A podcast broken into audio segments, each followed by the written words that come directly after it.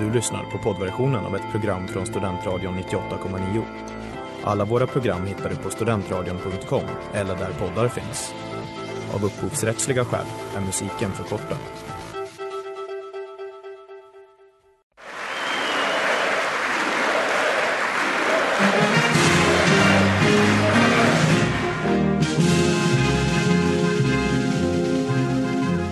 Sweden is one of our oldest and closest partners. sa det. Det är er ett viktigt land för Sverige. When I talk about democratic socialism, America will never be a socialist country. I'm looking at countries like Denmark and Sweden. We don't want to be Sweden. we want to be the United States of America. You Look at what's happening last night in Sweden. Sweden. Who would believe this? Sweden. Och där får vi säga god kväll och välkomna till dagens avsnitt av The Swedish Democrat här på Studentradion 98,9. Det är ju märkliga tider vi lever i eh, generellt men, men även gällande det amerikanska valet. Det är väldigt lite fokus nu på, på Demokraternas primärvalskampanj och frågan är ju hur den kommer att eh, fortskrida. Den rullar ju på. Eh, vissa delstater har ju skjutit upp sina val, andra håller dem. Sanders har anmält sig till eh, de sista delstater som man behövde anmäla sitt deltagande till, så han rullar på som vanligt. Men eh, som sagt fokus, fokus hamnar ju på något helt annat och, och vi får väl se hur det påverkar utgången i november om, om Trump tjänar på att han får stå framför rutorna istället för Sanders och Biden. Om han kan utnyttja det eller om det snarare ligger honom i fatet för att han inte riktigt kan hantera rampljuset helt enkelt. Han är van vid att stå i rampljuset men nu på sistone har jag hamnat lite i, i konflikt med eh, smittskyddsexperterna. Så idag så tänkte jag att vi skulle släppa Demokraternas primärval lite för det är ändå lite det det har handlat om tidigare avsnitt och lite det det kommer handla om kommande avsnitt också faktiskt. Men jag tänkte att idag så ska vi ändå prata lite om ja, vem, vem, vilket parti som kommer att vinna till, eh, till hösten. Och jag eh, ska presentera en, eh, en modell eller en teori. Nu låter det som att, att det är min egen teori, det är det verkligen inte. Eh, det är en historiker som heter eh, Allan Lichtman som har eh, skapat en teori där han helt enkelt påstår sig kunna förutspå vem som kommer att vinna valet. Och han har lyckats förutspå alla val sedan 1984. Så den teorin ska vi ta oss en titt på och se vad säger den om eh, vem som kommer att vinna valet i november.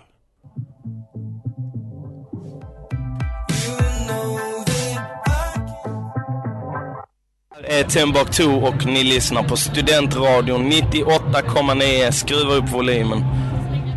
Okej med Wallows och ni lyssnar på The Swedish Democrat här på Studentradion 98,9 och idag ikväll ska vi prata om vem som kommer vinna valet, presidentvalet i USA 2020. Eller inte så mycket vem, utan vilket parti. För det är det som den här teorin som jag ska presentera idag handlar om. Det är en teori som då har utvecklats av eh, en professor i historia som heter Alan Lichtman tillsammans med en seismolog som heter Vladimir Keilis Borok. Märkligt eh, en historiker och en seismolog kan man ju tycka.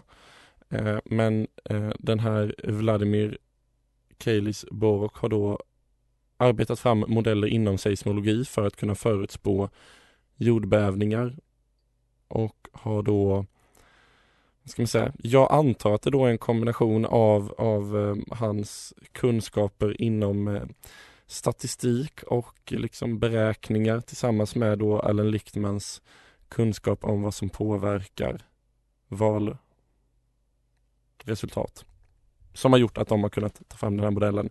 Modellen kallas i alla fall eh, 13 Keys eller The Keys to the White House.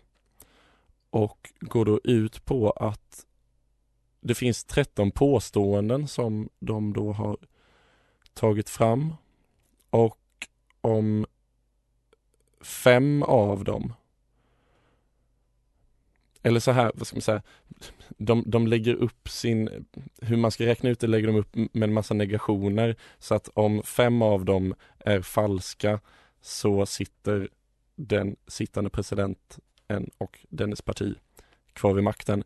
Så, vad ska man säga, det gäller ju för eh, eller förlåt, om, om, om fem är falska så, så sitter de inte kvar. Eh, det styrande partiet måste alltså plocka minst åtta. Nu ska vi se. Jag och matte. Om, de, om, om fem påståenden, skitsamma, vi gör så här.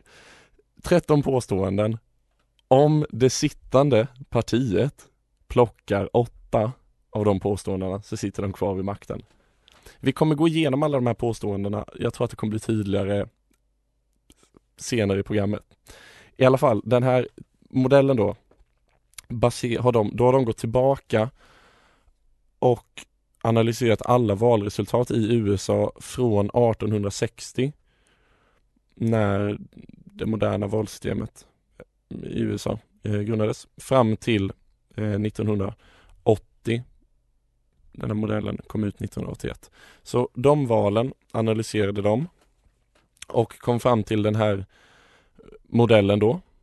Och den stämmer då överens såklart med alla de val de gick igenom från 1860 till 1980. Annars är det inte mycket till modell. Men den har även då visat sig fungera på alla val efter det också. Inklusive valet 2016. Allen Lichtman och jag kommer hänvisa till Alan, Alan Lichtman för det är han som är ansiktet för den här modellen. Vladimir Keilis Uborok är såklart också medskapare. Men eh, ja, ni får tänka att han är inräknad när jag pratar med Ellen Lyckman. I alla fall, eh, även då 2016 års val lyckades Ellen Lyckman pricka in han förutspådde att Trump skulle vinna baserat på eh, den här modellen då. Enda undantaget är valet 2000 när George Bush, den yngre, vann mot Al Gore. Då hade, enligt den här modellen skulle Al Gore vinna. Men eh, George Bush, den yngre, vann. Alan Lichtman har senare då försvarat det här med att eh, George Bush egentligen inte vann och det kan man debattera fram och tillbaka och det handlar då inte om att George Bush vann the popular vote som det kallas, att han fick flest antal röster för att det är helt okej. Okay. Ehm, att man, eller förlåt, George Bush förlorade den, Al Gore vann the popular vote, men George Bush vann röster på rätt ställen i rätt delstater och vann då flest delegater. Det är inte det som är problemet. Problemet eh, och som Ellen Lichtman då lutar sig mot är att det finns anklagelser om valfusk i Florida och att det försvann en massa röster och att det var så pass jämnt i rösträkningen att man borde ha gjort en andra omräkning och att det inte gjordes.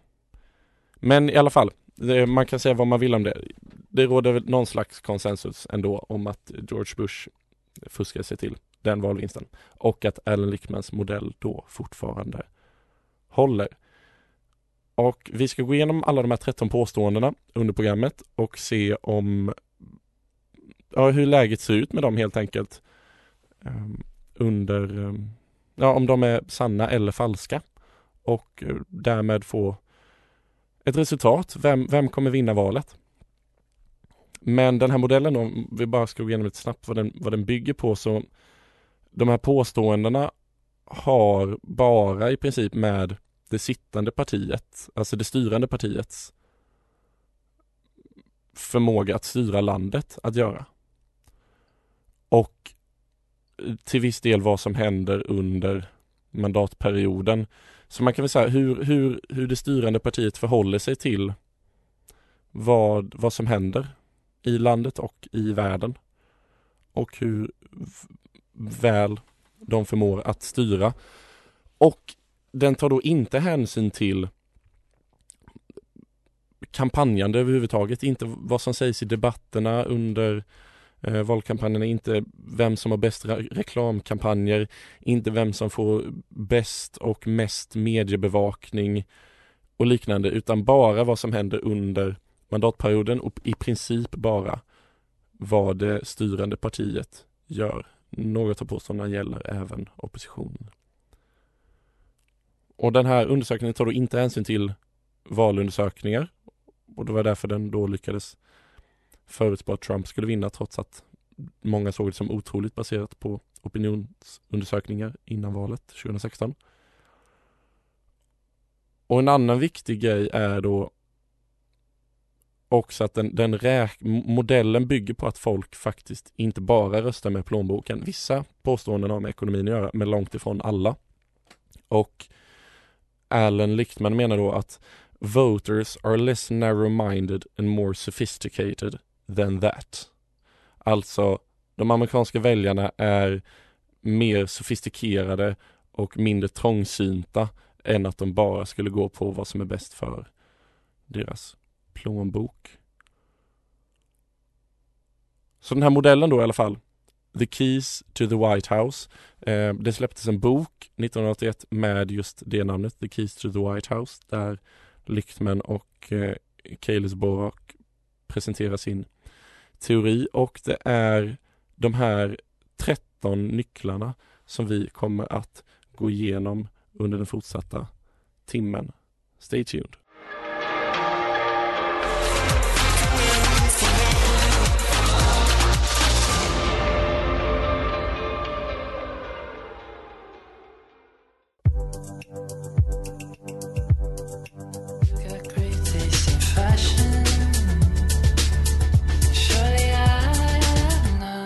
Killing for Love med José Gonzales och E-Cat.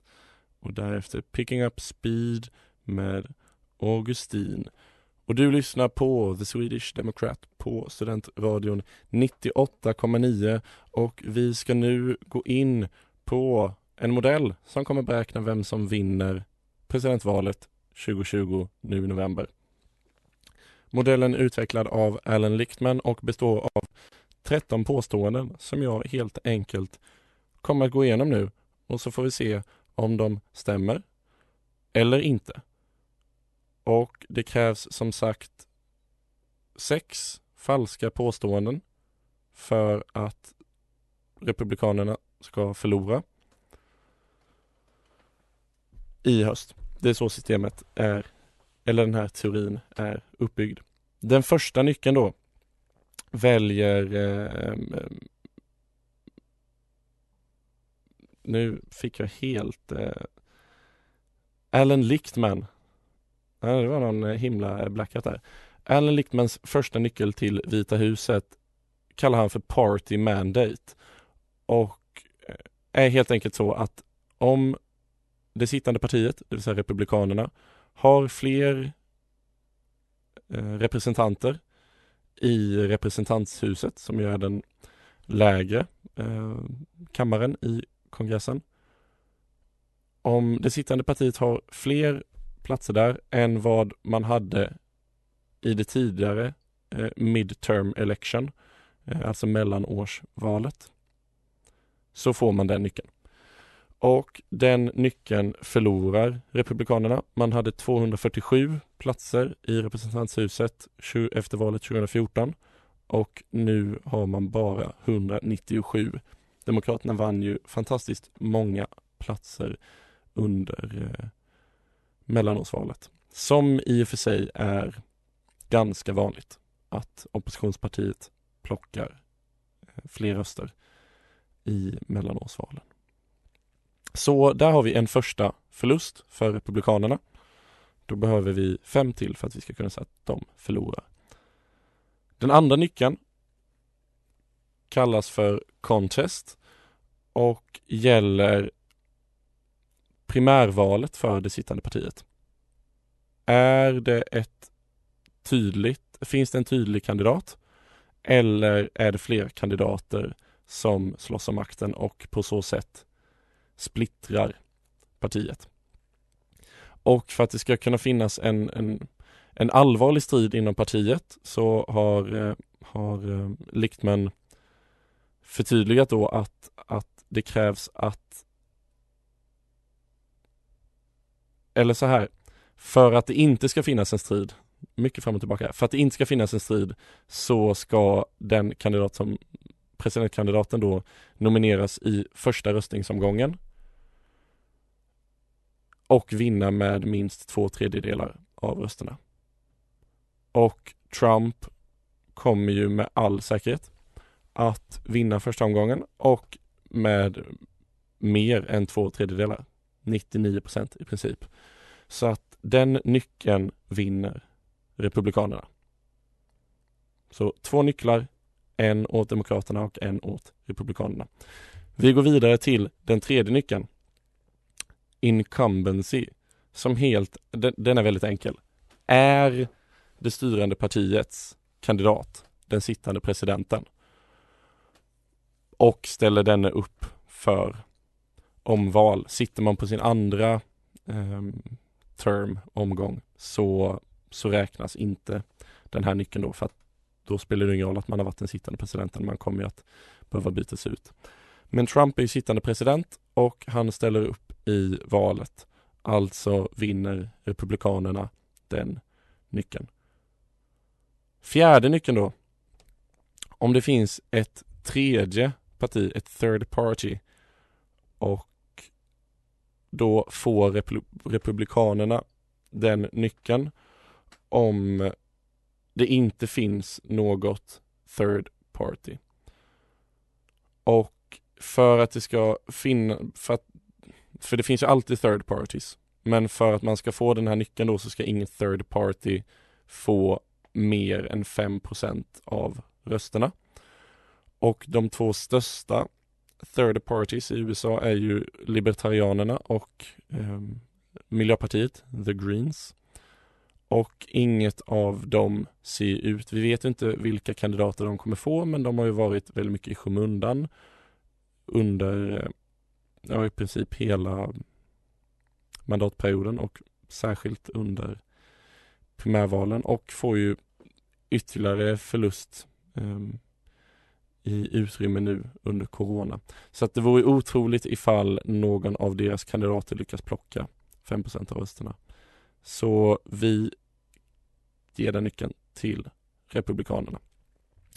Så av de här fyra första nycklarna Party Mandate, Contest, Incumbency och Third Party så plockar Republikanerna tre av dem. Demokraterna får en. Så för att Demokraterna ska vinna måste de plocka ytterligare fem av de nio som finns kvar.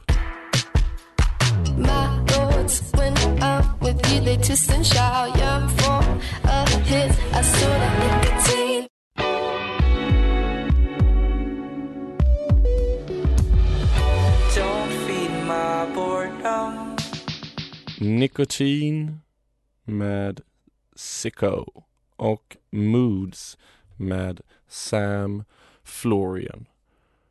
Och du lyssnar ju på The Swedish Democrat på Studentradion 98,9 och vi diskuterar Alan Lichtmans 13 nycklar till Vita huset där han förutspår vem som kommer att vinna presidentvalet i november.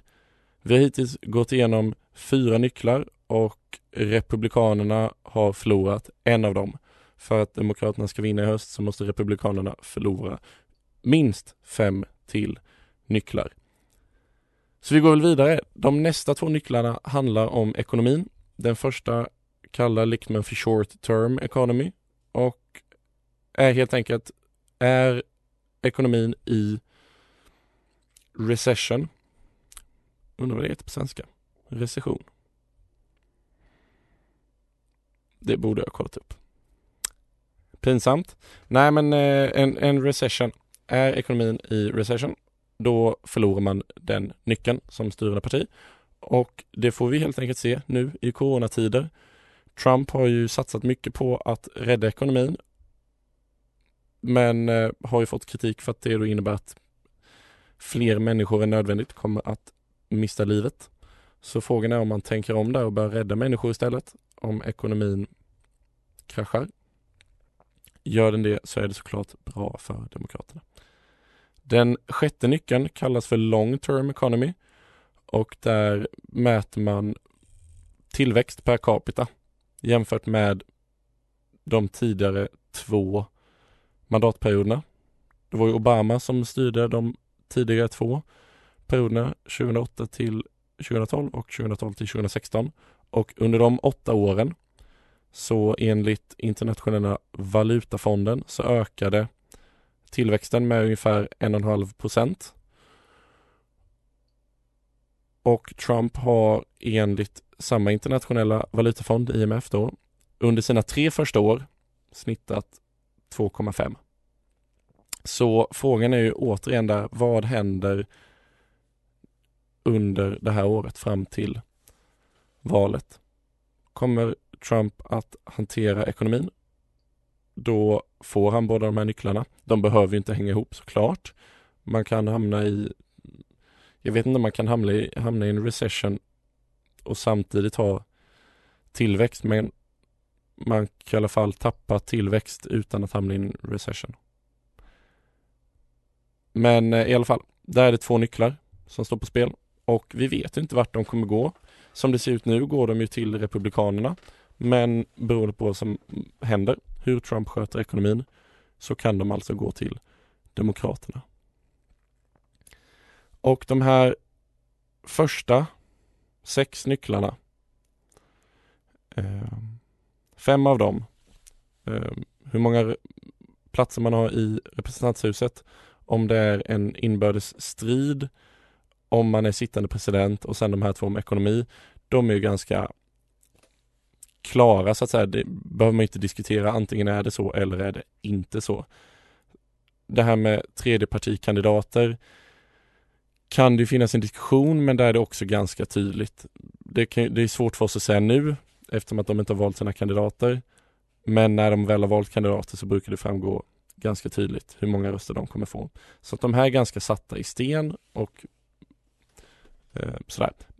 De kommande nycklarna är lite mer uppe för diskussion kan man väl säga. Inte jättemycket det här valet men, men annars. Så den sjunde nyckeln kallas för policy change och handlar då om den sittande administrationen har genomfört någon eh, större nationell eh, reform helt enkelt. Och då räcker det inte med muren som Trump har byggt det räcker inte med hans eh, mång nu ska vi se, trillion, vad blir det på svenska, biljon, mångbiljon skattesänkningar för de rika. Eh, utan man måste, för att det ska räknas som en sån här eh, policy change som ger en en nyckel så måste det vara i stil med eh, Roosevelts eh, The New Deal eller Reagans ekonomiska revolution på 80-talet när han minskade skatterna, minskade de federala utgifterna och minskade regleringar för att ekonomin skulle kunna froda som han tänkte. Fri marknad. Och där, så långt har inte Trump kommit. Så att den nyckeln förlorar dem. Så av de här sju första nycklarna så har vi två garanterat förlorade och två som är oklara. Den åttonde nyckeln är social unrest. Det handlar alltså om om det finns spänningar inom befolkningen och även här så det, krävs det ganska mycket för att man ska kvalificera för det. Det krävs att situationen är ungefär som efter inbördeskriget när man skulle förena syd och nord igen. Eller som under 60-talet och eh, medborgarrättsrörelsen. Det räcker inte till exempel som demonstrationerna i Los Angeles i början på 90-talet. Eh, Rodney King och hela den biten och även om USA är ganska splittrat just nu så är det inte så mycket spänningar i befolkningen så att den nyckeln vinner Trump. Den nionde nyckeln, Scandal, har det sittande styret upplevt, eller har det funnits en skandal under mandatperioden som kan kopplas till presidenten. Och här är problemet att ja, det har det ju. Alltså, Trump är ju en skandalernas man. Men för att det ska räknas som en nyckel så måste det också finnas en broad recognition. Alltså en, en allmänt spridd uppfattning om att det har varit en skandal och det är väl det som är problemet här att Trump är ju så himla bra på att se till att det inte framstår som att det är en skandal. Så att den här nyckeln tänker jag att han eh, vinner Trump. Oaktat porrstjärnor, Ukraina, rysk inblandning i valet, impeachmentprocessen. Ingenting biter på honom. Så att den nyckeln ger jag till Republikanerna. Men som sagt, de här nycklarna nu på slutet är lite mer upp för diskussion så att det är mycket väl så, kan mycket väl vara så att någon annan gör en annan bedömning.